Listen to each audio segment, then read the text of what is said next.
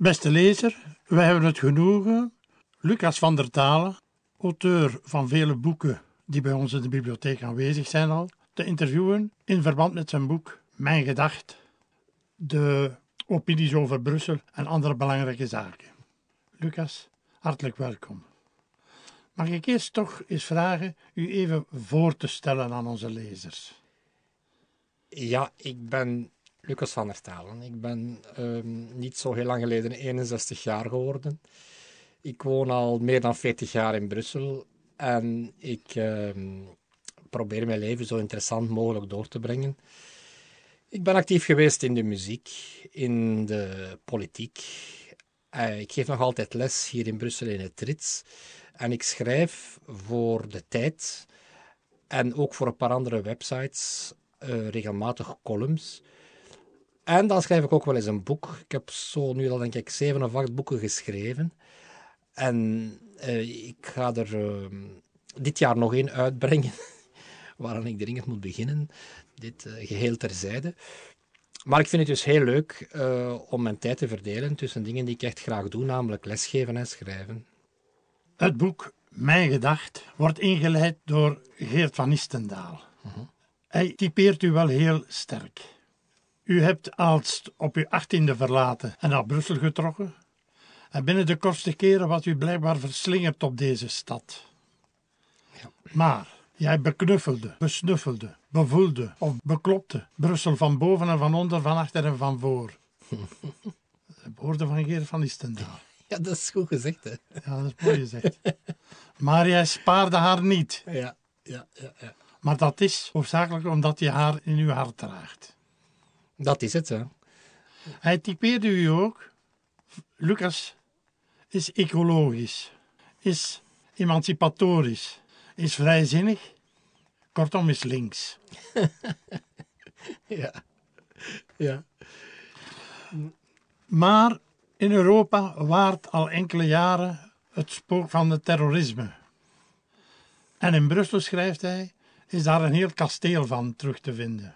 Maar de politici, opiniemakers en verantwoordelijken uit het Brusselse, zij negeerden het tot de aanslagen in Parijs en Brussel, tot ontkennen niet meer mogelijk was. Maar toch wilden zij het jihadisme niet zomaar linken aan de islam. Mm -hmm. En zij vonden dat de Lucas van der Talen, dat zal en dat moest een rechtse islamofoob zijn. ja, ja. Ja. En toch, daar is een element van aanhankelijkheid aan deze stad in doen en laten terug te vinden. Niet tegenstaandige voor uw columns en ook in dit boek, uw pen geregeld in. Vitriol. Ja, vitriol stopt. Zegt Geert van Istendaal dat er echt een haat-liefde verhouding tussen Van der Talen en Brussel is. Vanwaar die liefde voor de stad. Maar ik ben, zoals u gezegd heeft in uw inleiding, ik ben um, vrijzinnig. Dus ik ben echt een atheïst. Ik geloof uh, alleen in, in de mensen, in iets anders. Maar toch heb ik mij de lijfspreuk van de Jezuïeten eigen gemaakt. Plus est en vous. Er zit meer in u. En dat geldt voor deze stad. Brussel is een stad waarvan ik geweldig heb leren houden, omdat ik weggegaan ben uit een kleinere stad, uit het lieftallige Aalst, waar ik als 18-jarige ben weggetrokken om naar de VUB te komen. En na mijn studies ben ik in het centrum van de stad gaan wonen en heb ik echt van Brussel gaan houden. Als ik 22 was, woonde ik op, de, op het Sint-Gorikspleintje in het centrum van de stad, Place Saint-Géry. En nadien in de Greepstraat, Rue de la Fourche, vlak aan de Grote Markt. En daar heb ik die stad leren kennen. Maar ik was ook iemand, ik ben nog altijd iemand die van grootsteden houdt en die vergelijkt met andere grootsteden. Dus ik hou heel veel van uh, Parijs, van Londen, van New York. En ik heb dan naar Brussel leren kijken en ik heb de, de zwakke kanten van Brussel gezien.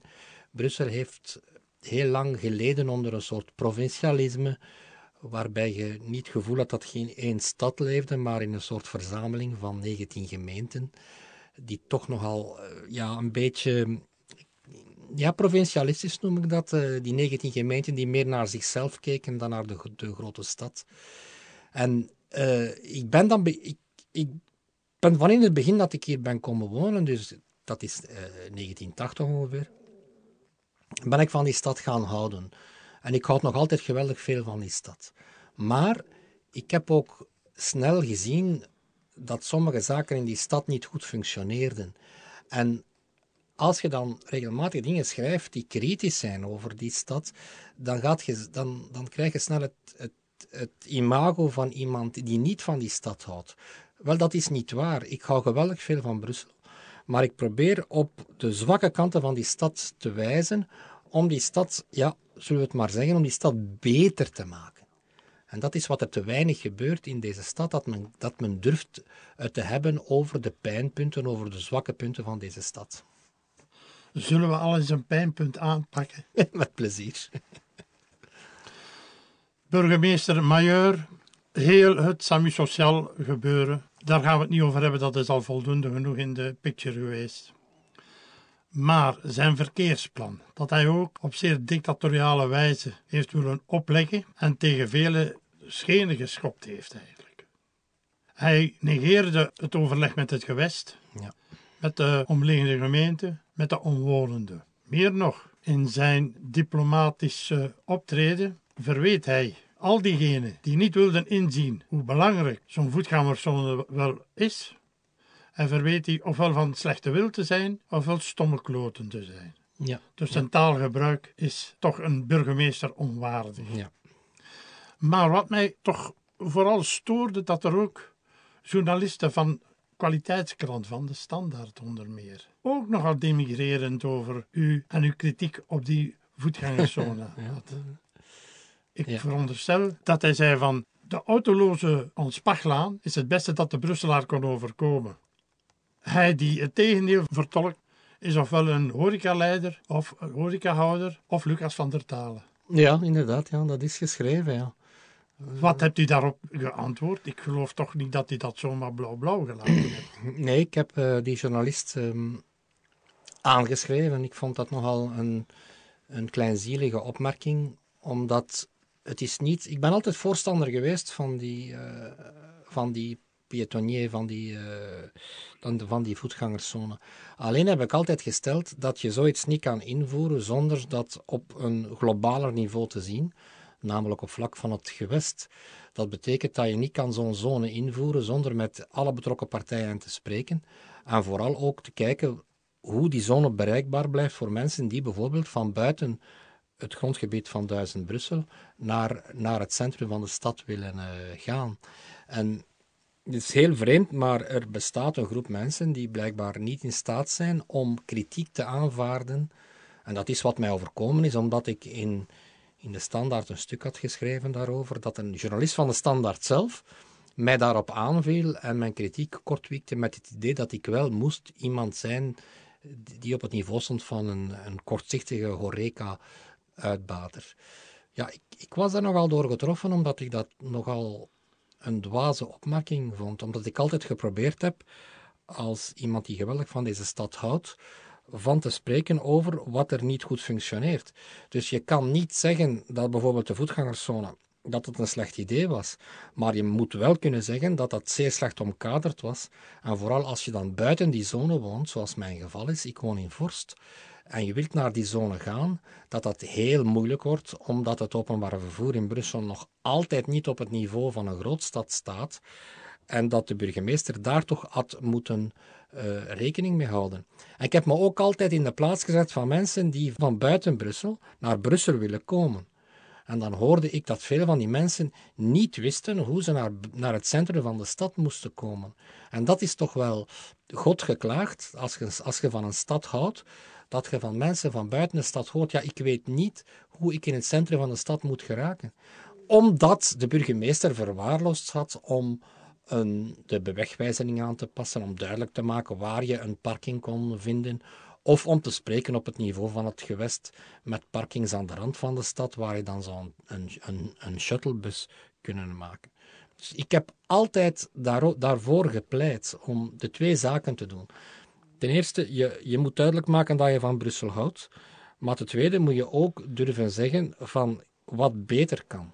En als je dan een kritiek op de stad uh, gaat proberen te kortweken door ad hominem te gaan, dus door de boodschapper aan te vallen, zoals gebeurd is door het artikel door die jonge journalist van de Standaard, ja, dan vraag ik mij toch wel af waarom dit echt nodig is. Als, als uw enige argument op een kritiek is, ja, de, de, de man die dat zegt is, is, is een horeca-uitbater, dat is toch wel uh, nogal zwakjes, vind ik. Jazeker. Trouwens, een veertiental dagen geleden had ik het genoegen om met mijn vriendin eens door de Aanspachlaan te trachten te stappen. Ik kan u verzekeren, dat was een zeer moeilijke zaak hoor. Zowel het voetpad als de straten liggen nog altijd open. Ja, maar het gaat wel vooruit. Het probleem is dat de, de, de vorige burgemeester Majeur uh, heel veel tijd verloren heeft. Door zijn, het is een beetje een, een paradox, maar door zijn, uh, door zijn enthousiasme, door zijn uh, voortravendheid, heeft hij in feite verschillende etappes overgeslagen, waardoor het project heel veel vertraging heeft opgelopen. En het is de verdienste van zijn opvolger, ere wie ere toekomt, dat de zaken nu wel aangepakt worden. Als u nu gaat, gaat stappen, zal u nog altijd zien dat er bepaalde delen niet afgewerkt zijn, maar het gaat wel letterlijk in de goede richting. Dus ik probeer ook altijd, ondanks mijn kritiek, een beetje optimistisch te blijven. En ik moet zeggen dat ik op een, een, een beetje lente, lentedag zoals vandaag dat die verkeersvrije zone in het centrum van de stad toch wel op lange termijn een pluspunt kan zijn voor Brussel. Zonder meer, zonder meer. Nu, een volgend punt, en ik weet niet of optimisme hier dan nog op zijn plaats zal zijn, het probleem van het koninklijk circus. Ja, ja, ja. Is dat ondertussen al opgelost? Dat is opgelost in die zin, ik, ik heb in, in, in, in mijn boek de hele saga daarvan beschreven en ik heb een beetje aangeklaagd hoe de stad Brussel uh, dat, heeft, dat heeft aangepakt. Maar dat is ondertussen gelukkig verleden tijd. Het is nog altijd niet de ideale formule, maar de stad Brussel had een contract. Het, is, het gebouw is eigendom van de stad Brussel, maar de stad Brussel had een contract met uh, het cultuurcentrum De Botaniek.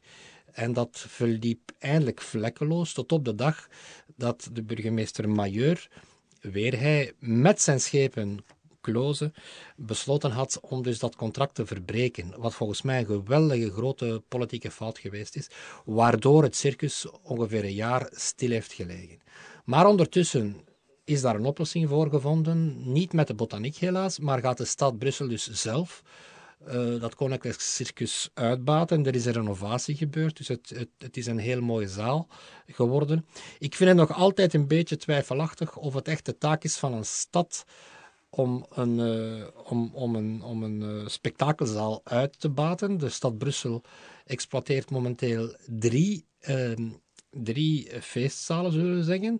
Uh, er is één in, in, het, in het centrum, er is één aan de Heizel en er is dus het Koninklijk Circus. Je kan volgens mij dat beter uitbesteden, zoals bijvoorbeeld was gebeurd in het, met het, met het circus, met de botaniek, dat dus een cultureel centrum is. Maar blijkbaar eh, vindt burgemeester Kloos nog altijd dat het aan de stad is om, om, om, om de spektakel- en feestzalen uit te baten. Ik denk dat dat niet dus zo is. De voorstellingen vinden daarin plaats, want het heeft een tijd... Uh, een jaar. Het, heeft, het, circus heeft, is een jaar gesloten geweest, maar het is ondertussen ge, gerenoveerd. Dus nu zouden we kunnen zeggen, laten we hopen dat dat, dat, dat weer functioneert zoals ja, uh, vroeger. Een volgend puntje dat ik wilde aanstippen was de chaotische toestand tussen de grenzen van die 19 gemeentes. Ja. Hoe is het in godsnaam mogelijk dat daar toch geen rationaliteit in kan gevoerd worden? Op sommige straten is links uw parkeermeter voor, gemeente X. Ja, ja, en, en aan de andere kant van de gemeente Y kan dat niet een beetje beter. Ja, dat is, dat is voor buitenstaanders en buitenlanders en bezoekers van buiten onbegrijpelijk. Dus het meest, het meest frapperende voorbeeld dat ik graag aanhaal, situeert zich dus achter het Justitiepaleis uh, op de Gulden Vlieslaan, op het lagere deel van de Gulden Vlieslaan, naar de Hallepoort toe, waar uh, de grens loopt tussen um, Brussel en Elsene. En als je dus niet weet dat je daar op die grens zit van die gemeente, er is daar een parking met parkeerplaatsen links en rechts, Links betaal je eh, op het grondgebied Elsene, rechts betaal je grondgebied Brussel. Dus een bezoeker weet dat niet en die, die gaat zijn geld steken in de eerste parkeermeter die hij tegenkomt. Als dat de verkeerde is, ja, dan, dan riskeert hij een boete. Dat is echt een voorbeeld van een situatie die, die ik niet meer aangepast vind aan de 21ste eeuw. Als ik van bij mij thuis uh, uh, naar Brussel Centrum fiets, dan kom ik op een bepaald moment, overschrijd ik de grens van mijn gemeente Vorst met de gemeente Sint-Gilles. En daar staan daar dus twee verkeersborden. Het ene verkeersbord zegt, hier is het gedaan met te betalen om, om te parkeren. En ongeveer 15 centimeter verder staat er een bord waar de, de, de chauffeurs ertoe worden aangemaand om de, toch om te betalen. Maar dat gaat dan over een andere zone. Dus eigenlijk zouden, zijn die twee, die twee borden spreken elkaar tegen, zouden ook zo kunnen weggenomen worden. Uh, maar dan zou er ook één parkeerbeleid voor de hele stad moeten zijn natuurlijk. Waarbij je niet diverse types van parkeermeters hebt in, in de 19 gemeenten. Uh, de, het gewest probeert een, een, een parkeerbeleid uh, in te voeren voor het hele gewest, maar vele gemeenten zijn zeer terughoudend om dat te doen. Een ander voorbeeld is ook dat heel wat reglementen van gemeente tot gemeente kunnen verschillen. Zo las ik in uw boek dat in Ukkel het nog toegestaan is om met kwads rond te rijden. Ja, ik ben blij dat, dat u daarover begint, want ik, er is in, in Ukkel nu een nieuw bestuur en ik had, al, ik had al gedacht van eens een brief te schrijven. Maar in 18 van de 19 gemeenten eh, van Brussel is het gebruik van de quads verboden. Dus een quad is een soort auto waarmee je eigenlijk beter in, in velden en bossen gaat rijden als je dat echt nodig vindt, want ik vind het een vreselijk storend vervoersmiddel. Veel lawaai ook. Veel lawaai, zeer polluerend, al, al, al wat u wil. Maar je mag daar dus in het Brussels gewest enkel in de gemeente Ukkel mee rondrijden. Maar dat heeft als consequentie gehad, omdat dus de schepen van, van mobiliteit van Ukkel dat nog altijd wou toelaten, dat er op, de, op elke grens van Ukkel met het gewest er borden staan waarbij dus als je de grens van Ukkel overschrijdt, dat dat verboden is van verder te gaan met een quad. Ik weet niet hoeveel borden er staan, maar ze staan er nog altijd, want ik, heb, ik woon in een gemeente die ook aan Ukkel grenst en ik weet dus waar die, waar die borden staan. Dus ik vraag mij nu af of het nieuwe bestuur van Ukkel uh, de toelating van de quads op zijn grondgebied nog, nog, nog altijd gaat handhaven. Ik hoop dat ze daar eindelijk mee ophouden en dat we die borden kunnen verwijderen. Natuurlijk hebben die borden ondertussen heel veel geld gekost, dat betaald is door de Brusselse belastingbetalers. In een volgend hoofdstukje heb je het over het Brussels gewest met de 19 gemeenten, met de zes politiezones. Maar dan heb je het ook over de conferentie van de burgemeesters. Ja, dat is ook. wat, wat doen die? Wat is daar de functie van?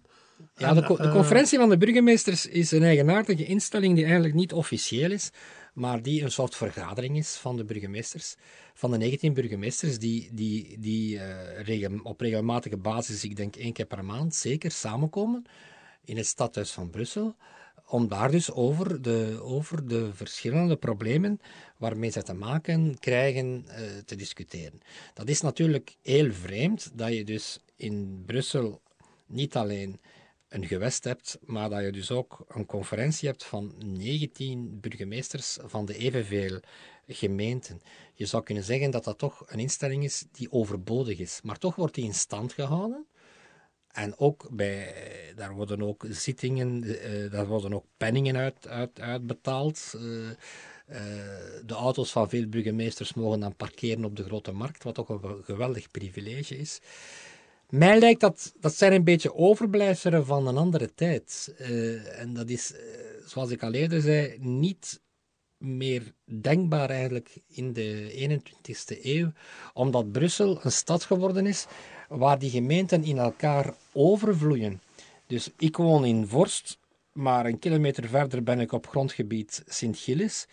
Een kilometer in de andere kant ben ik op grondgebied Anderlecht. En een kilometer en een half rechtdoor ben ik op grondgebied van, van uh, Brussel Hoofdstad. Dus dat is toch wel een beetje voorbijgestreefd. Ik voel mij geen vorstenaar. Ik ben wel iemand die in vorst woont, Maar ik voel mij een Brusselaar. Ik voel me echt een Brusselaar. Ik, ik eh, woon hier al zo lang. Dus ik ben echt een Brusselaar geworden. Maar je gaat mij niet horen zeggen, ik ben een Vorstenaar. Ik, ik ben een Brusselaar en ik woon in een wijk. Want Vorst is ook een gemeente die uiteenvalt in verschillende wijken. En daar heb ik wel mijn band mee natuurlijk. Dat is normaal. Ik woon er al meer dan eh, tien jaar. Maar ik ben het toch een beetje beu dat wij nog altijd eh, onderworpen zijn aan die, op, aan die opdeling van wat voor mij een grootstad is, van 1.200.000 mensen, dat die opgedeeld wordt uh, in 19 gemeenten. En dat is volledig voorbijgestreefd. In dat verband doet u een suggestie, dacht ik, rond het principe van het subsidiariteitsprincipe. Inderdaad, ja. Wat bedoelt u daar dan? Maar, dat wil zeggen dat de, op, op de juiste niveaus worden de juiste beslissingen genomen. Dus dat betekent niet dat je alles moet centraliseren. Men zegt wel eens, je moet de Brusselse gemeente fusioneren. Daar ben ik het eigenlijk niet mee eens. Ik, ik, ik blijf erbij dat die Brusselse gemeenten van mijn part mogen blijven bestaan, maar dat je bepaalde bevoegdheden moet overschakelen naar een hoger niveau en bepaalde uh, en andere bevoegdheden die, die echt te maken hebben met het dagelijks leven van de burger, die laat je op het niveau van die gemeenten. Alleen bouwt je de macht van de burgemeesters af. Je gaat in feite Brussel hertekenen op het model van, uh, van Parijs. In Parijs heb je arrondissementen, waar je ook dus een burgemeester hebt van die arrondissementen, een maire d'arrondissement, die dus ook verkozen wordt, maar die zich dus niet kan verzetten tegen beslissingen die genomen worden door de burgemeester van, uh, van Groot Parijs.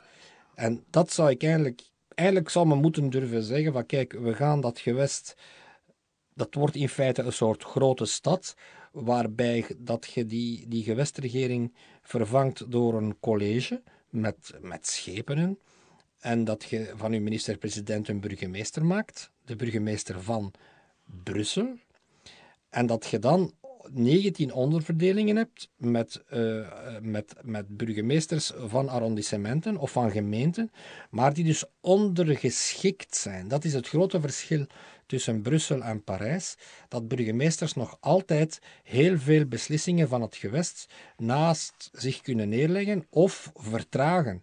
Dat is niet denkbaar in Parijs. In Parijs, Frankrijk is natuurlijk een zeer gecentraliseerde staat altijd geweest, maar de burgemeester van Parijs kan een beslissing nemen en dan kunnen die ondergeschikte burgemeesters zich daar niet tegen verzetten. Maar zij zijn wel bevoegd voor dingen die moeten geregeld worden op lokaal niveau. Ik zeg maar iets, in burgerlijke stand en zo, dat is typisch iets voor het lokale niveau. Dus zeggen, de Franstaligen gebruiken vaak als argument tegen een, een verandering van het Brusselse systeem, dat je daardoor uh, dat je la proximité gaat verliezen. Dus de nabijheid van de, van de burger.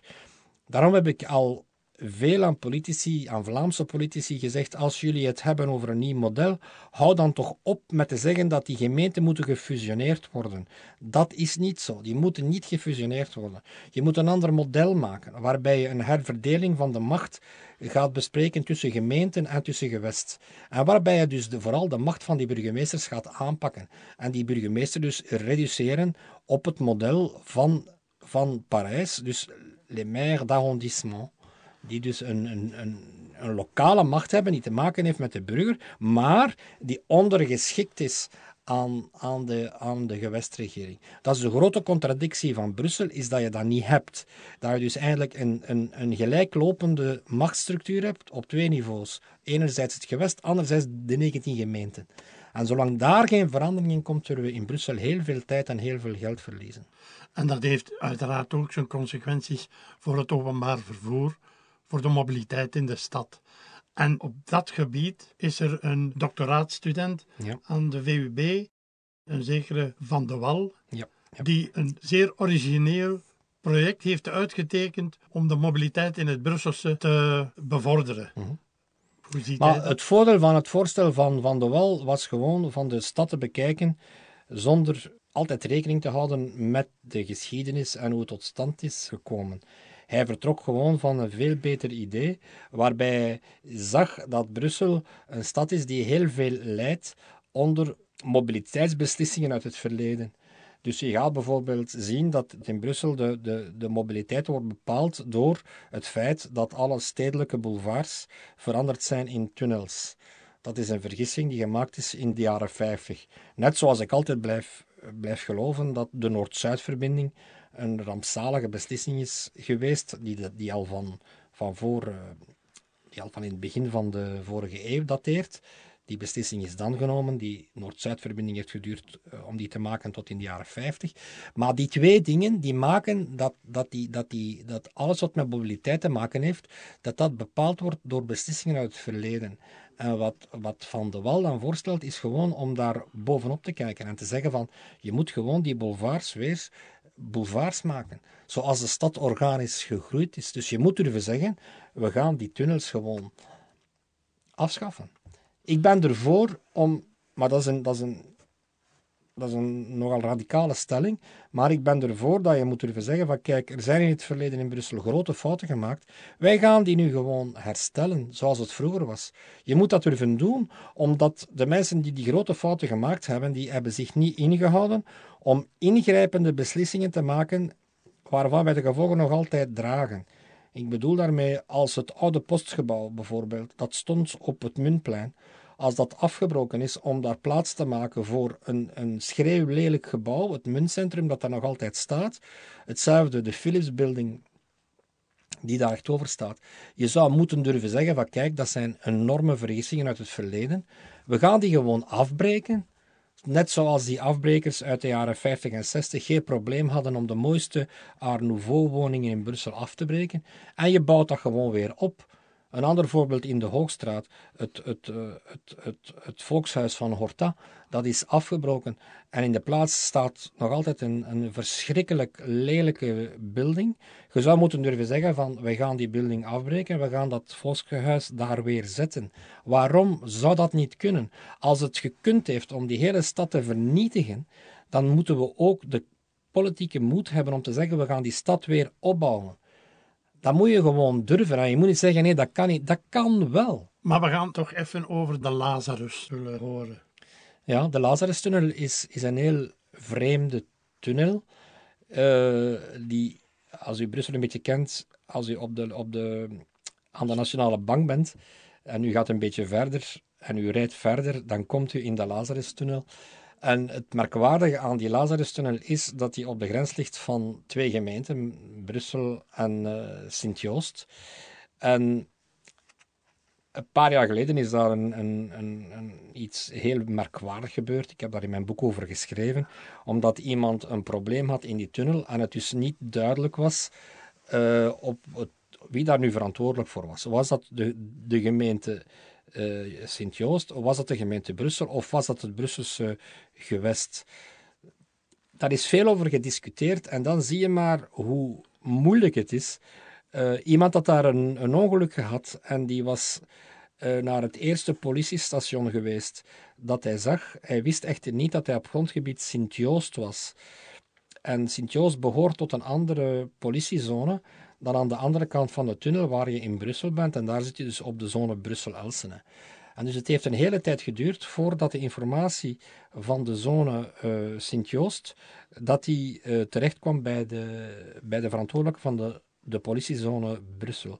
Dus die tunnel is in feite symbolisch, omdat die tunnel is ook, er is daar een heel mooi verhaal aan verbonden, omdat die tunnel een overblijfsel is in feite van een van de meest waanzinnige ideeën die er ooit in Brussel geweest zijn. En dat is om de autostrade van Antwerpen door te trekken, helemaal door Schaarbeek, uh, tot over Sint-Joost. En die autostrade moest dan aankomen voor het Centraal Station. Vandaar, het is weinig geweten, maar het, het, voor het Centraal Station ligt er een, een, groot, groot plein dat nu verkeersvrij is, dat het Europa-kruispunt genoemd wordt. En die naam komt niet van, uh, van een of andere uh, overdreven liefde voor Europa, maar juist omdat men dacht vandaar een ontmoeting te hebben tussen twee autostrades, namelijk die die van uh, Antwerpen kwam, die, die zou daar de autostrade ontmoeten, die dan verder zou lopen via de Marollen, uh, die helemaal vernield moesten worden, en die helemaal door zou lopen tot waar je nu nog de aanzet daarvan kan zien, eh, namelijk aan Delta. Delta is, is een gebied dat dus achter de ULB, VUB, UL, ULB ligt. Dus die Lazarus-tunnel, die maakte, daar, die, maakte daar deel van uit. Het is nu heel merkwaardig als je dus met de auto die Lazarus-tunnel vanuit Brussel doorrijdt, dan kom je vanuit een boulevard die veel te breed is, namelijk vier rijvakken, kom je plots terecht in, een, in die buurt van Sint-Joost, die vooral bekend is door het Noordstation en de prostitutiewijk. En dat komt omdat daar in feite heel die wijk zou moeten verdwenen zijn voor de aanleg van van een autostrade. En als je van Antwerpen komt, van de autostrade, kan je nog altijd zien dat die autostrade, dat er een deel van die autostrade gebouwd is. Je komt van Antwerpen en als je naar Brussel rijdt, moet je naar links over de ring. Maar als je dan goed naar beneden kijkt, dan zie je dat daar een aanzet is van autostrade. En die autostrade had helemaal moeten doorlopen ik heb nog een plan. Onwaarschijnlijk. Ik heb nog een plan van, dat ik gekocht heb als ik in Brussel kwam wonen, dus 1980, waar die autostrade in stippellijn aan staat. En die zou dus gegaan zijn van aan de huidige autostrade van Antwerpen helemaal tot aan het Centraal Station. En dan via de, de, de Keizerslaan, die dus voor, voorbij het hoofdkwartier van de PS loopt. En voor Brusselaars uh, die, die dat kennen, is daar de Brusselse bowling.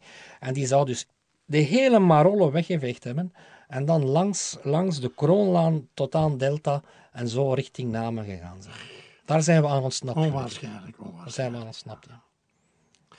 Zoals je daar straks al zei, zo'n 50 jaar geleden werd de Noord-Zuid-verbinding gerealiseerd. Ja. Over de Noord, Noordstation gaan we niet te veel. Uh, die verschrikkelijke buildings dat daar staan. Centraal Station. Ik, ik zou het graag hebben over de omgeving van het Zuidstation. Het Zuidstation, daar hadden ze ook grootse plannen mee om die te verbouwen. Maar ook de aansluiting van de stad met het Zuidstation is ook helemaal misgeoriënteerd geweest. Ja, het, het, het merkwaardige is als je weet wat er in het verleden gebeurd is, dan begrijp je dat beter. En het is jammer natuurlijk dat als je een beetje ouder wordt, ik probeer bepaalde dingen door te geven, omdat ik, ik ik heb die tijd niet beleefd, maar ik weet dat het Zuidstation vroeger op een andere plaats stond. Dus het Zuidstation is, is een van de meest rampzalige beslissingen die er gebeurd zijn bij de aanleg van de Noord-Zuidverbinding, is het Zuidstation ongeveer 500 meter achteruit geschoven. Dus het Zuidstation was, net als het Noordstation trouwens, een heel, heel mooi gebouw. En dat stond dus uh, heel dicht bij wat nu de Brusselse ring is geworden. En daarvoor had je dus een, een, een heel mooi plein, dat dus, net zoals het vroegere Noordstation, dat op het Rogierplein stond, dat je dus, dat je dus organisch te voet uh, uh, de, de grote boulevards, die nu tot de ring verworden zijn, kon je zo het station binnenlopen. Wat is er dan gebeurd? In, in de jaren 60 heeft men dus besloten van een nieuw station te bouwen. Dat is het, het Zuidstation geworden. Maar men heeft dat Zuidstation heel veel achteruit gezet. En daardoor is er dus een soort open ruimte ontstaan die nu één keer in de week wordt opgevuld met de Brusselse Zuidmarkt, wat, wat uh, heel aangenaam is, maar de rest van de week dus een heel lege, lege plek is. En dan heeft men met veel poeha aangekondigd enkele jaren geleden, ik denk dat het ondertussen al een tiental jaren geleden is, dat men grootse plannen had met dat Zuidstation, dat men daar eindelijk een waardig station wou van maken, waar mensen die vanuit Parijs en Londen aankwamen een hele goede indruk zouden krijgen. Een beetje zoals dat je bijvoorbeeld in Londen, als je in Londen aankomt met de Eurostar, dan kom je aan in uh, het uh, Pancras International uh, Railroad Station, wat een heel mooi gebouw is. Een beetje op het niveau van het station van Antwerpen. even mooi. En dat heb je natuurlijk in Brussel niet. Dat is er nog altijd niet gekomen. Men had gezegd, we gaan een heel origineel gebouw maken. Men had daarvoor een beroep gedaan op de bekende Franse architect Nouvel. Die zou daar iets, iets heel mooi en gedurfd van gemaakt hebben. Maar het is nooit uitgevoerd. Het is een beetje altijd hetzelfde, vind ik, in Brussel. Men kondigt soms grote projecten aan en men doet dat dan niet. Het enige dat in Brussel altijd gelukt is, is negatieve dingen. Ziet je, zoals men de hele Noordwijk heeft afgebroken, of zoals men de hele wijk rond de kathedraal heeft afgebroken, om die Noord-Zuidverbinding te maken. Dat is altijd mogelijk geweest. Men heeft dus heel veel kunnen vernielen om lelijke dingen in de plaats te zetten. Maar lelijke dingen vernielen om mooie dingen in de plaats te zetten, dat is in Brussel altijd een beetje problematisch geweest. En dat is wat, wat voor mij de enige oplossing is voor de buurt van het Zuidstation. Dat men, dat men nu in feite gaat durven beslissen om daar een mooie wijk van te maken. Maar veel van de problemen die men nu heeft rond het Zuidstation, die dus ook te maken hebben met het voormalige metrostation Le Monnier, dat dus vlakbij het Zuidstation is, dat is dat men nooit die wijken globaal bekeken heeft. Je hebt daar dus een wijk en die heeft het ongeluk van te liggen op uh, drie gemeenten. Dus een deel daarvan, Le Monnier, ligt op Brussel-Stad. Het Zuidstation is eigenlijk Sint-Gillis, maar 300 meter verder is het Anderlecht. En die wijk is totaal ontredderd, omdat daar dus geen globaal plan is voor ontworpen, zoals je dat zou hebben in een stad die, die van één perspectief uh, beheerd wordt. En ik vrees dat zolang als dat niet, niet gebeurt, uh, dat, we, dat we daar niet veel zullen kunnen aan doen. Hetzelfde verhaal kan je terugvinden. Nu, gelukkig is het Eurostadium precies wel gevoerd. Ja. En Uplace is ook afgevoerd, hopelijk. Maar dan zit je nog met het NEO-project ja. en met de DOCS. Je hebt daar op enkele vierkante kilometers, als de plannen hadden doorgegaan, vier enorme winkelcentra. En dan maar klagen dat de middenstand in de binnenstad teloor gaat. Dat is heel spijtig, omdat je ziet als je. Uh, ik kom wel eens aan de, aan de Gulden Vlieslaan, waar je dus die, uh, die grote winkelgalerijen hebt. En je ziet dan dat daar heel veel leegstand is, bijvoorbeeld. En, en uh, dan denk je, ja, hoe gaat dat hier zijn als je dan. Je weet, op de Heizel wil men Neo bouwen en Neo gaat dan door voor de, het grootste shoppingcentrum van Europa. Dat is tamelijk krankzinnig, omdat je dus iets verder heb je dus Docs, dat het ook al niet gemakkelijk heeft. En gelukkig is dan het idee van Uplace voorlopig uh, afgevoerd. Ik heb nooit begrepen waarom er die obsessie bestaat met winkelcentra. Je moet ook een stad op andere manieren aantrekkelijker kunnen maken. Want je hebt een overvloed van hetzelfde. Je hebt dus dezelfde winkels op verschillende plekken in de stad. En zo verliest een stad zijn authenticiteit. Je gaat niet naar Londen om naar een winkel te gaan die je ook in je eigen stad gaat uh, vinden. En dat is wat men in Brussel blijkbaar niet beseft. Dat men dat, dat, dat stadscentrum op een andere manier aantrekkelijk uh, moet maken. Ja, het is, een, het is verbeelding. Hè? Ik heb altijd gepleit voor een renovatie van het Koning Boudewijn Stadion. Ik werd in der tijd daarvoor, daarover weggelachen. De, de, de, de alternatieve voorstellen voor het Eurostadion, die toen verdedigd werden rond het Koning Boudewijn Stadion, die werden niet al serieus genomen. En nu blijkt dat dat dus wel kan. Dat is zeer merkwaardig. Hè? De, de stad Brussel en het gewest hebben dus heel veel geld uh, gestoken in, in, in de, eigenlijk in de portefeuille van Gelamco, dus de bouwheer, die een Eurostadion zou bouwen. En men, men zei dus, alsof het een bijbelse waarheid was, dat het, dat het Koning Boudewijn Stadion niet kon gerenoveerd worden. En nu zijn we drie jaar later en nu blijkt dat men zegt, ja, dat kan natuurlijk wel gerenoveerd worden. Dat is bijzonder, bijzonder vreemd. Hè? Men wou dat, Euro, dat, dat Koning Boudewijn Stadion niet renoveren, omdat dat in de weg stond van dat megalomane NEO-project. En nu zal dat nieuwe project aangepast worden, omdat men nu blijkbaar tot de wijsheid gekomen is dat men dat, dat stadion wel kan renoveren. Maar het is jammer dat er zoveel tijd is verloren, want het is door die, dat tijdverlies dat wij dus uh, het Europees kampioenschap missen. Dat wij dus een van de weinige Europese steden zijn die buiten die organisatie van het uh, volgende Europese kampioenschap gevolgd zijn. En dat is echt de verantwoordelijkheid die het vorige Brusselse bestuur met Alain Courtois in pole position uh, op zijn konto kunnen, kan schrijven. Een volgend punt dat ik onder uw aandacht wil brengen, Lucas, de Brusselse musea. Hm. Eerst een klein woordje over de Citroën garage.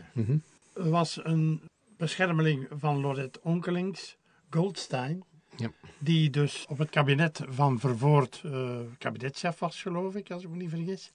Maar wat is er gebeurd opdat uh, Goldstein plotseling uit de politieke omgeving van Vervoort, dat ze hem hebben aangesteld als intendant of zo van de Citroën City. Ja, het is, het is een heel ingewikkeld verhaal. Ik zal het kort vertellen. Dus, uh, Goldstein wordt algemeen beschouwd als een zeer bekwaam, intelligent en, en creatief man, die dus in Schaarbeek woonde en die dus werd een beetje gezien als de potentiële opvolger, misschien zelfs burgemeester van Schaarbeek. Maar Goldstein heeft één nadeel, dat in bepaalde Brusselse gemeenten wel uh, tegen u kan spelen, namelijk hij is Joods. En dat Joods zijn, dat heeft hem dat heeft hem gefragiliseerd, omdat dat blijkbaar in Brussel nog altijd niet in dank wordt afgenomen door, door bepaalde bevolkingsgroepen. Komt daarbij dat Goldstein zich ook in, in, een, in een Engelstalig interview nogal kritisch had uitgesproken over, uh, over hoe allochtonen zich in Brussel soms gedragen. En één zinnetje is daar uitvergroot en dat heeft eigenlijk zijn politieke val betekend. Nu was het een beetje een probleem van de PS dat ze, dat ze toch wel die, die man uh, een, een toekomst wilden blijven bieden, omdat dat inderdaad een zeer, een zeer uh, interessant man is. En men heeft daar dan iets gedaan dat ik in feite een, zo weer een zwak punt vind van de Belgische politieke structuren. Men heeft hem namelijk intendant gemaakt voor het ombouwen van de Citroën garage tot, tot een groot museumkanaal. Nu, moet de zaken heel duidelijk scheiden. Ik vind het een uitstekend idee dat daar een museum komt. Alleen als je de, de historiek daarvan kent, dan kun je toch wel daarover vragen stellen. Namelijk, het gewest had eerst die Citroën garage gekocht, zonder goed te weten wat ze daarmee gingen doen. Dat is toch al een beetje een vreemde manier van werken.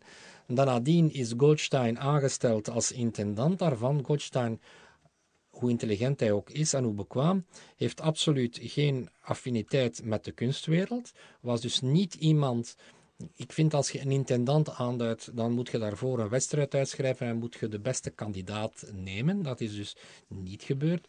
Goldstein heeft dan een paar bedenkelijke beslissingen genomen, eh, vind ik persoonlijk.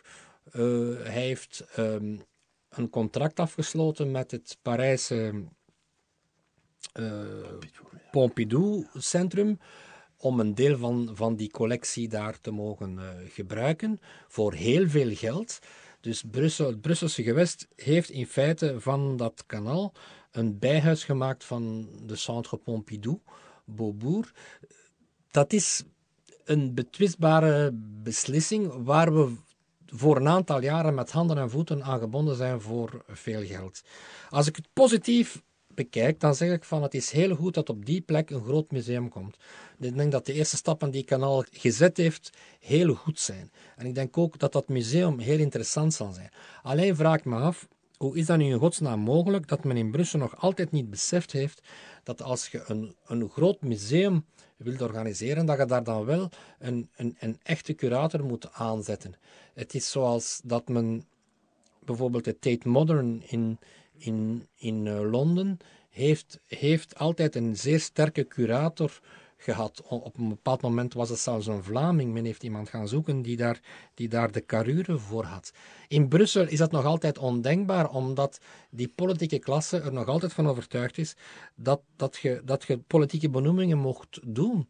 Dus nogmaals, Goldstein, ik heb met de persoon geen probleem, maar wel met het feit dat men voor de uitbouw van het grootste, belangrijkste museum op, op vlak van, van de moderne kunst, dat men daar iemand aan het hoofd zet die in feite geen specialist is.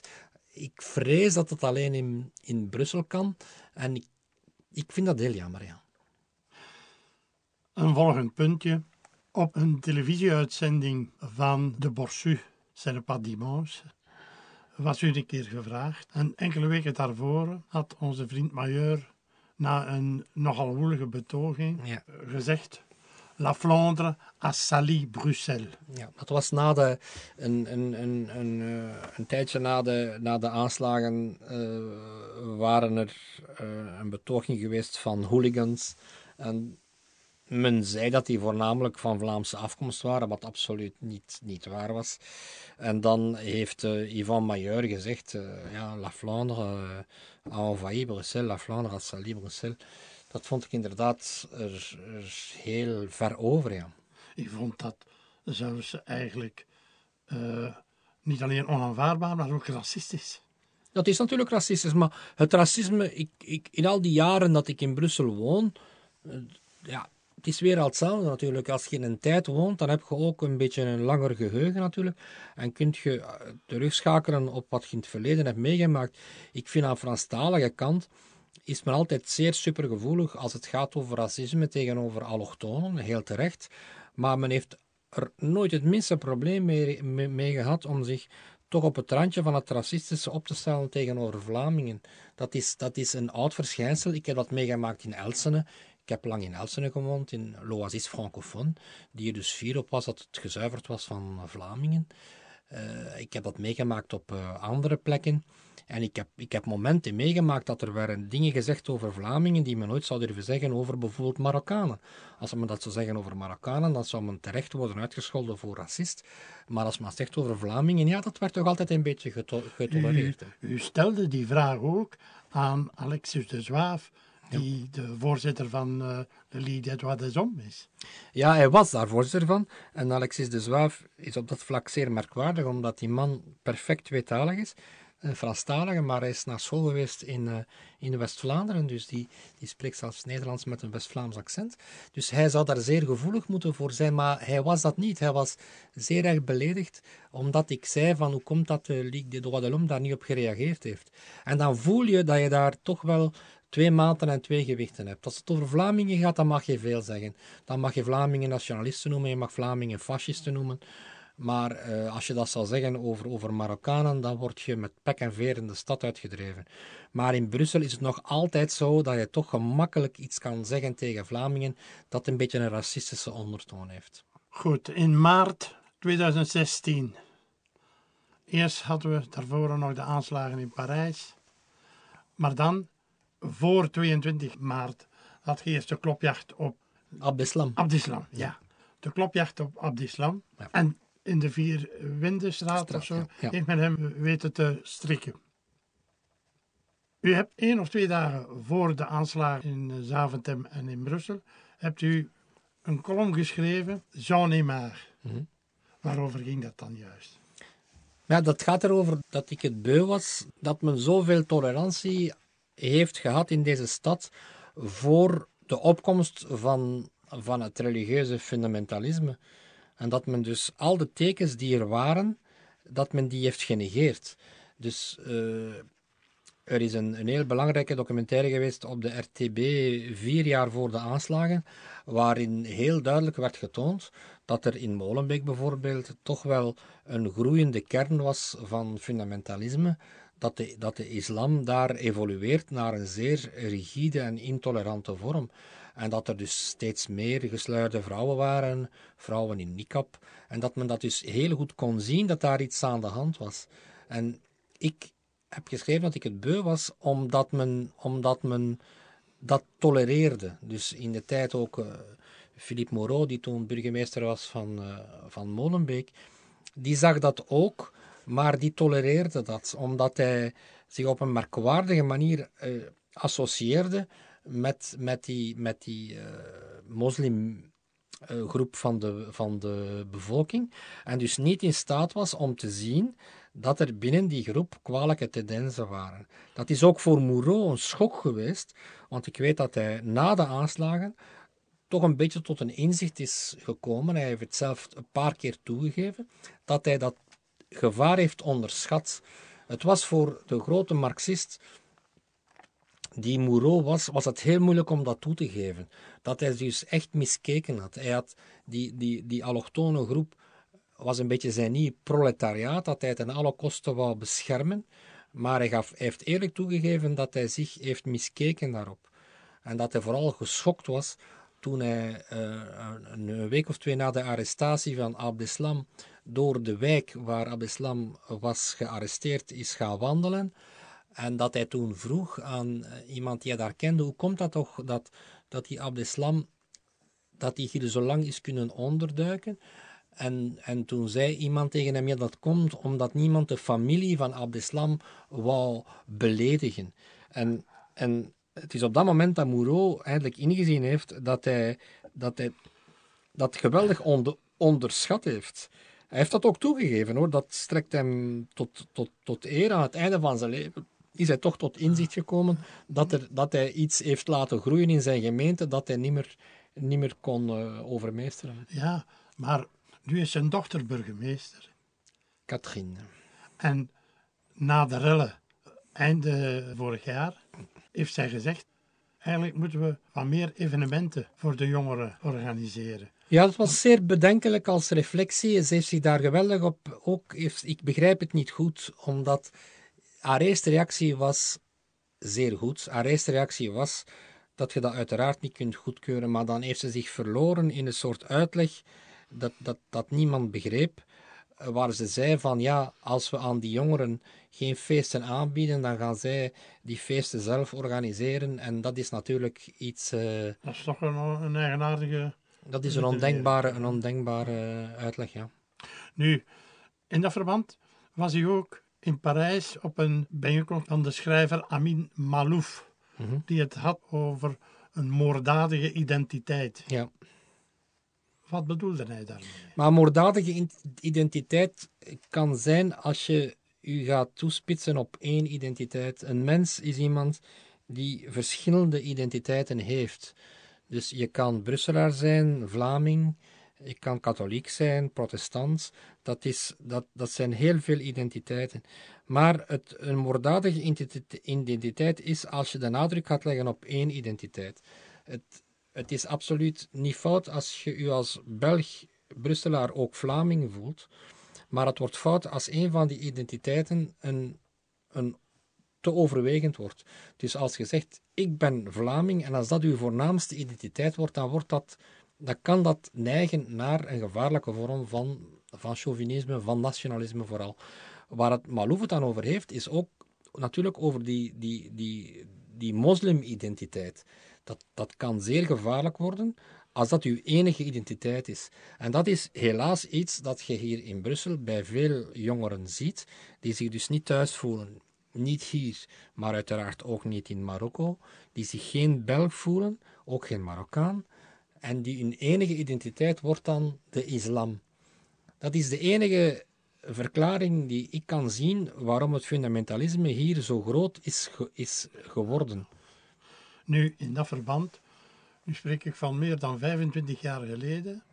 Ik had toen een privépraktijk als kinesist hm? in Vilvoorde had ik een jong meisje van 18 en die stond op het punt om met de familie een jaarlijkse vakantie naar Marokko te doen.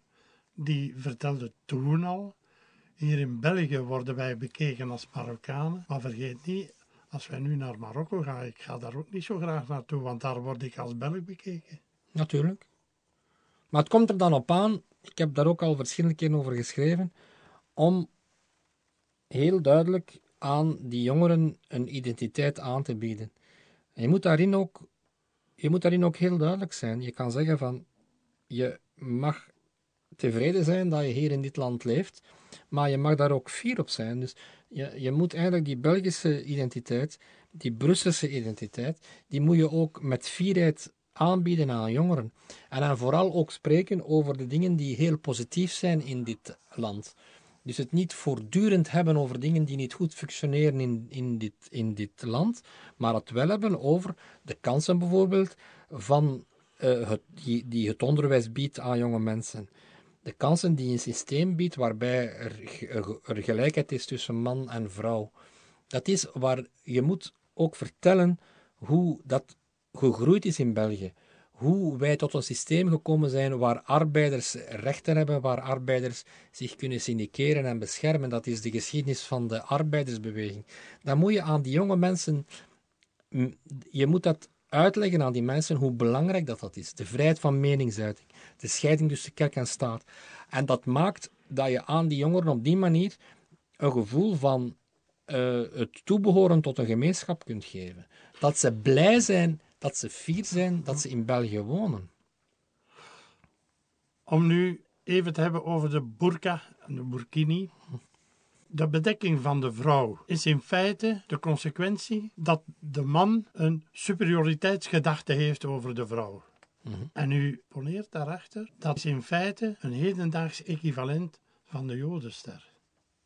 Ja, dat is was een consequentie van een stuk dat ik samen met ehm, de filosoof Dirk Verhofstadt heb geschreven. Uh, en ik meen dat nog altijd. Het, het, in tegenstelling tot wat, wat ons wordt verteld, dat wij moeten geloven dat vrouwen een hoofddoek uit vrije wil dragen, dat is iets dat opgelegd wordt door mannen. En meer bepaald door religieuze mannen, die op die manier uh, een uitwendig teken willen geven aan die vrouwen dat ze zich eigenlijk moeten bekennen tot het islamitisch geloof. Terwijl wij zijn opgegroeid toch als mensen die een geloof kunnen beleiden, maar waarmee je niet te koop loopt. Dus of je nu katholiek of protestant bent, dat is een heel persoonlijke beleving. En daarmee sluit je ook niemand uit. Het is niet omdat jij katholiek bent dat je niet omgaat met protestanten. Maar als je, als je ehm, met een hoofddoek zet je duidelijk af tegen andere groepen die geen hoofddoek dragen. Het is een heel duidelijke, het is een soort bewuste uitvergroten van een religieuze identiteit. En daarin is dat te vergelijken inderdaad met een jodenster, hoewel de context natuurlijk heel erg verschillend is, maar het heeft er wel mee te maken. Het is duidelijk dat je gaat aan vrouwen verplichten om zich op te stellen door hun kleding tot het, tot het behoren van een, een religieuze identiteit, waarbij ze zich afkeren tegenover vrouwen die geen hoofddoek dragen. Dus een vrouw die een hoofddoek draagt, die zegt in feite: Ik ben een, een, een, een, een moslimvrouw die bovendien uh, zeer zedig is. En een vrouw die geen hoofddoek draagt, die is niet zedig. Want u mag toch niet vergeten wat de boodschap is van een hoofddoek. Een hoofddoek moet gedragen worden door vrouwen om de lust van de mannen niet op te wekken. Dat is zeer merkwaardig, hè? want men zou even goed kunnen zeggen, maar misschien dat vrouwen ook uh, tot lust worden gedreven als ze naar een man kijken en die man zijn, zijn, zijn mooi haar zien bijvoorbeeld. En dan zou je kunnen zeggen, ja, als mannen en vrouwen hoofddoeken dragen, dan zou je nog kunnen zeggen, is een zekere vorm van gelijkheid, zoals wij, zoals wij het correct vinden, dat, dat, dat, dat wij nooit naakt door de straat lopen, zou je kunnen zeggen, van kijk, in die cultuur tussen de beide geslachten is er overeengekomen van iedereen draagt een hoofddoek, man en vrouw. Maar het is toch altijd de vrouw die verplicht wordt om dat te dragen. Op steeds jongere leeftijd, je ziet dus in, bij fundamentalistische groepen, zie je toch steeds dat heel jonge meisjes verplicht worden om uh, hoofddoeken te dragen. En ik geloof nog altijd dat je de, de sterkte van een cultuur de openheid van een cultuur en de, en de beschavingsgraad van een cultuur kunt afmeten aan de positie van, een, van, een, van, een, van de vrouw. Annalisa Gadaletta. Ah. Wat was daar mis mee? Annalisa Gadaletta is een vrouw die ik goed uh, ken, omdat zij uh, ook actief was binnen Groen, de partij waar ik actief ben in geweest. En Annalisa Gadaletta is iemand van Italiaanse afkomst. En ze is, uh, in, in de vorige legislatuur was zij, was zij schepen in uh, Molenbeek. En toen schreef zij een boek uh, waarin zij op een, op een scherpe manier, samen met een Italiaanse socioloog, waarin zij heel scherp de toestand in haar, in haar gemeente ontleden, waarin zij ook het had over dingen waarover men niet gemakkelijk spreekt, namelijk ook over gedwongen huwelijken die in Molenbeek nog, nog, nog, nog altijd schering en inslag zijn. Dat, dat boek werd in eerste instantie vrij goed ontvangen, ook door andere mensen van, van uh, de Franstalige zusterpartij van Groen Ecolo. Maar toen is daar een, een, zeer, een zeer radicale verzet tegengekomen tegen dat boek, vooral het kringen van, van de PS en de, en de PTB, dus de Franstalige PVDA zodanig dat er een breuk is gekomen tussen uh, Groen en Ecolo. En dus Molenbeek is de enige gemeente van de 19 waar Groen en Ecolo niet samen naar de, naar de kiezer getrokken zijn. Zeer merkwaardig was dus dat, dat de lijsttrekster van Ecolo eerst had gezegd dat het een interessant boek was over haar gemeente en nadien heeft gezegd dat dat niet zo was. Dus ik denk dat Gadaletta te eerlijk is geweest om het te hebben over problemen in haar gemeente. Nochtans is zij iemand die mede door haar Italiaanse afkomst heel, heel uh, open is en tolerant en vooral heel goed op de hoogte is van de situatie van inwijkelingen. Misschien is er eigenlijk ook een link binnen eh, groen, de laïciteit en wat dat de anderen het actief pluralisme noemen. Ja, dat is, dat is inderdaad zo, ja. Het, eh, het is heel merkwaardig, eh, want ja, ik, ik ken nogal goed de Franse cultuur, de Franse eh, organisatie van, van de laïciteit. Dus in Frankrijk is dat een, een zeer duidelijk begrip, waarbij men dus vanuit gaat dat de, de staat vrijzinnig is in feite en dat je dus je, de godsdienstbeleving, dat dat iets heel eh, persoonlijk is. Dat is heel echt Frans, dat is in België eigenlijk heeft dat, heeft dat eh, nooit eh, bestaan. Bijvoorbeeld in een katholieke school in België, dat, dat wordt een vrije school genoemd. In Frankrijk wordt een katholieke school une école privée genoemd. Dus dat is, dat is echt geweldig typisch voor dat ver- verschil. Maar ik heb in, in mijn partij, het was een van de redenen dat ik toch wel een serieus conflict heb gehad in mijn partij, dat was dat ik altijd uitging van dat idee dat, dat, dat, dat, dat de staat eh, eh, een lekenstaat moet zijn, dus eh, waarbij het, de religiositeit eigenlijk wordt gedelegeerd naar de burger als een persoonlijke kwestie, terwijl dat dan anderen in, in mijn partij toch wel een belangrijke rol van die religie eh, toelieten. En het dus hadden over dat pluralisme, dat dus iedereen op een, op een ostent, ostentatieve manier zijn religie kon beleven. Vandaar dat dus eh, mijn vorige partij nog altijd voorstander is van het dragen van het toelaten van het dragen van de hoofddoek in een openbare functie. Je komt dan toch dichtbij eh, de problemen rond scheiding van kerk en staat. Maar ja, heel dicht. Hè? Dat is, dat is, ik, heb, ik heb beseft dat, dat, dat daar toch wel verschillende meningen over bestaan. eh, vooral aan de linkerzijde. Waarbij dat men niet durft ingaan tegenover, tegen die fundamentalistische eh, tendensen. Het het is ooit anders geweest. Het hè? is ook anders geweest, ja. Tegen de katholieke kerk, hè, de linkse Maar ja, het is, het, is ook, het is ook met mijn leeftijd te maken natuurlijk, maar ik herinner me nog heel goed het Vlaanderen van de jaren 60 en 70, waar de invloed van de katholieke kerk zeer groot was en waar de, waar de linkerzijde zich altijd heel bewust heeft verzet tegenover eh, de, de invloed van de katholieke kerk. En waar men dus nooit zou getolereerd hebben, bijvoorbeeld, dat katholieken eh, via het dragen van, van, van tekenen van hun, van, van, van geloof een openbare functie zouden kunnen uitoefenen hebben.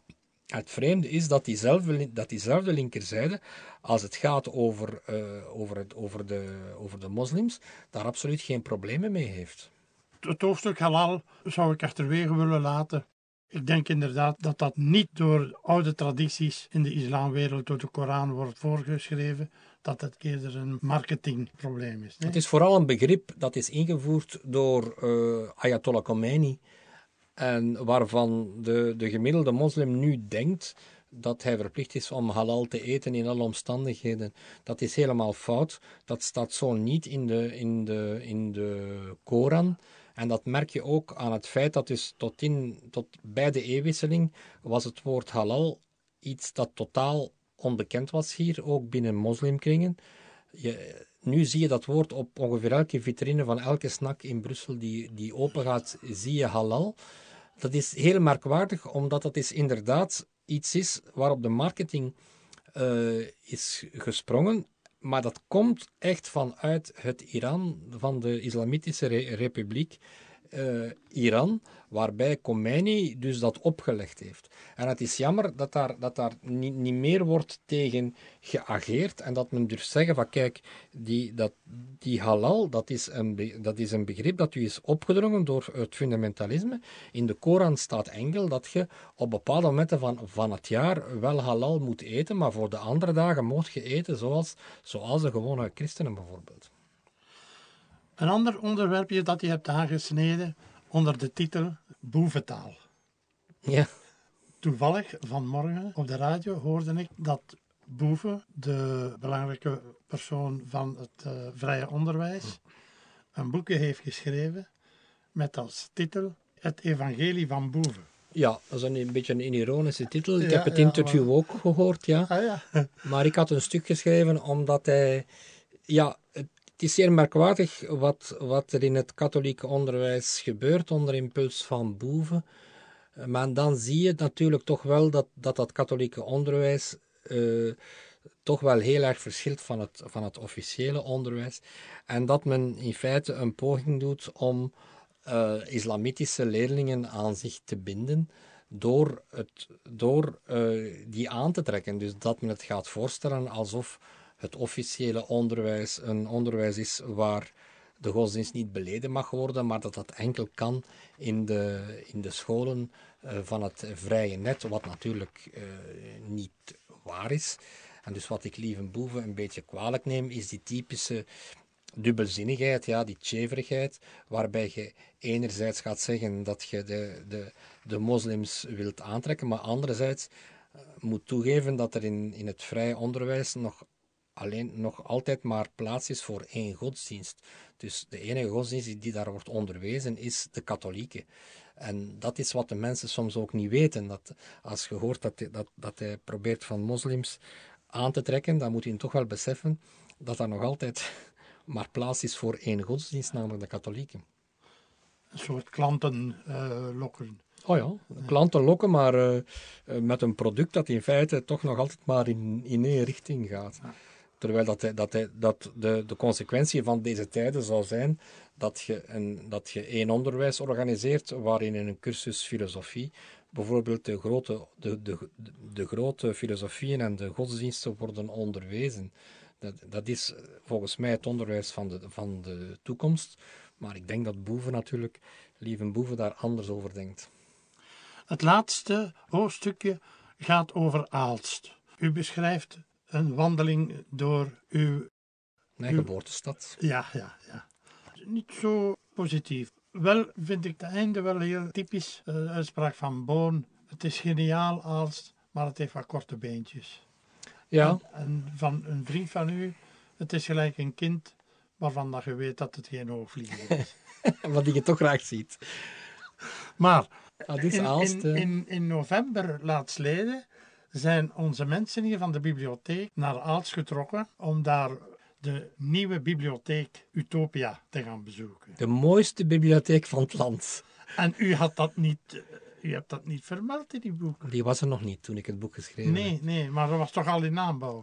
Ja, maar Nee. op het moment dat ik het, het, het, het artikel geschreven heb, want het gaat over een artikel dat eerst gepubliceerd is in de Standaard, op dat moment was er nog geen sprake van een bibliotheek.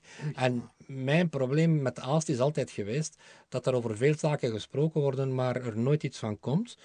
En vele Aalstenaars met mij vrezen dat dat ook zo zou zijn met die bibliotheek. En tot onze grote blijdschap blijkt nu die bibliotheek van Aalst een buitengewoon mooi gebouw te zijn, waarvan dat elke Aalstenaar nog altijd een beetje perplex is dat die er ook staat.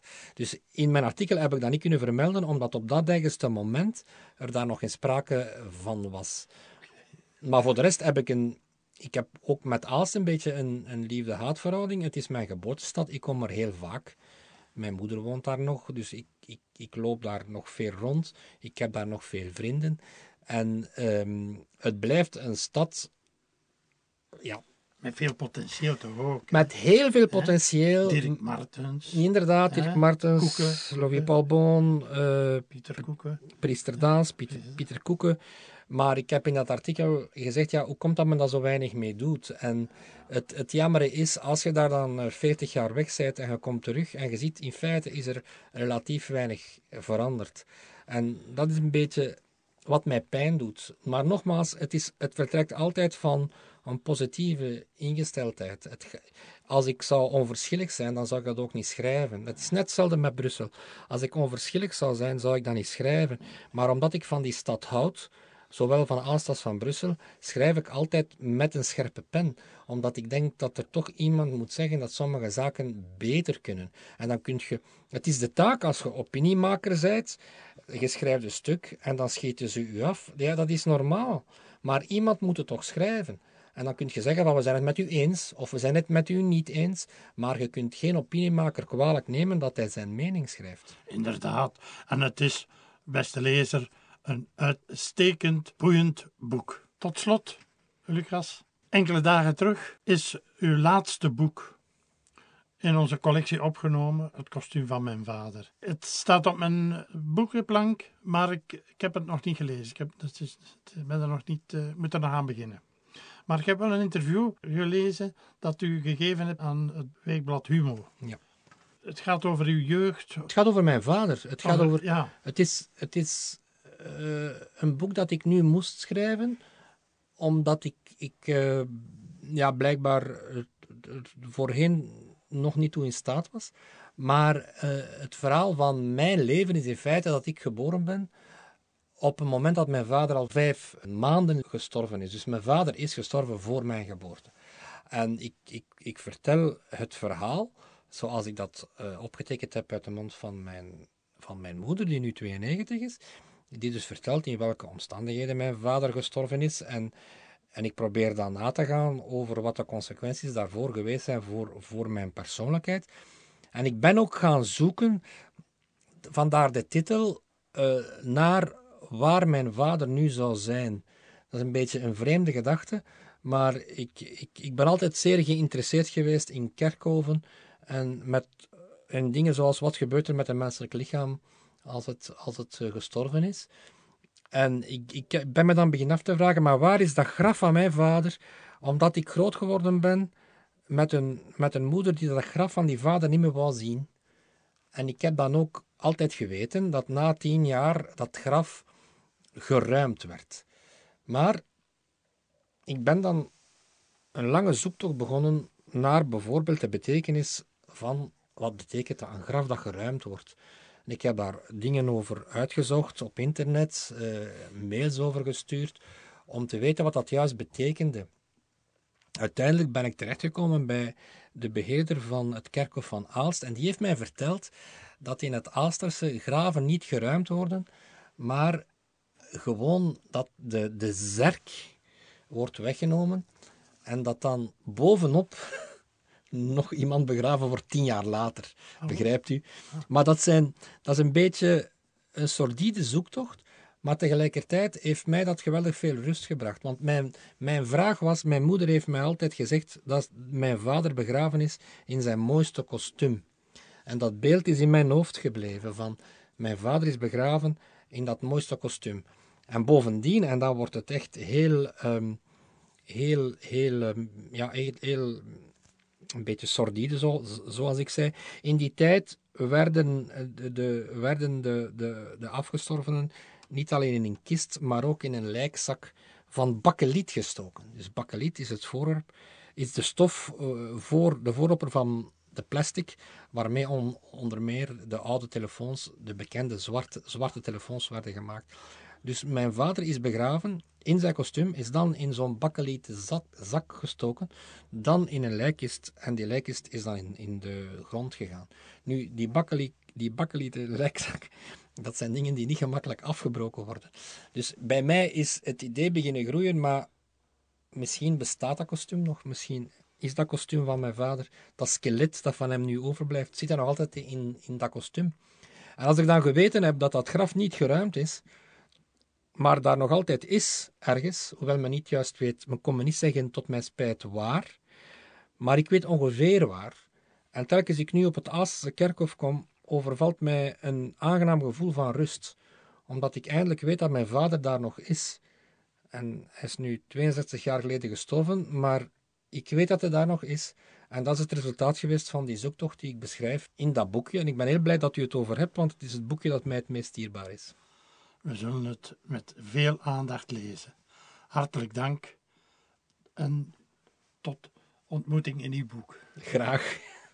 Heel erg bedankt.